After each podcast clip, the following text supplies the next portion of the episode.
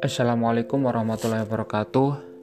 Perkenalkan, nama saya Muhammad Farad Zamzami, peserta Lajar CPNS Angkatan 12 dari kelompok 1. Pada Learning Journal hari ini, saya akan berbagi tentang pemahaman saya terkait dengan nilai-nilai dasar ASN sesuai dengan pembelajaran sinkronus dan asinkronus.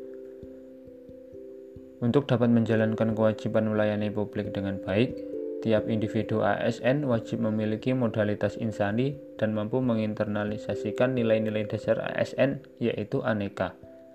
Jadi, penting sekali bagi seorang ASN untuk dapat memahami nilai-nilai aneka agar bisa diterapkan dalam kehidupan sehari-hari. Apa itu aneka?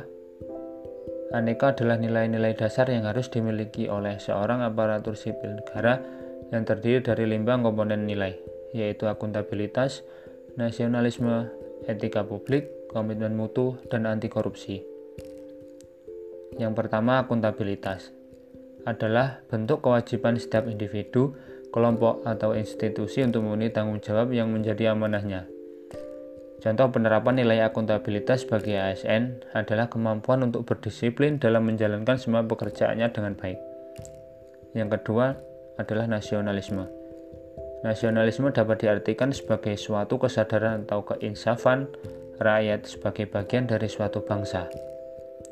Yang ketiga adalah etika publik. Adalah suatu pandangan tentang baik atau buruk yang mengatur cara berperilaku dalam menjalankan pelayanan publik.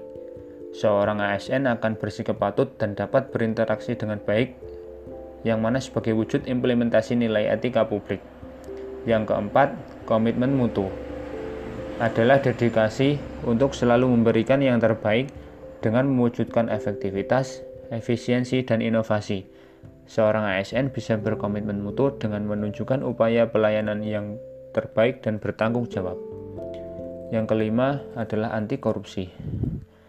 ASN wajib menghindari diri dari berbagai bentuk sikap koruptif dan tindak korupsi seperti suap menyuap, pemerasan, atau segala tindakan yang merugikan keuangan negara.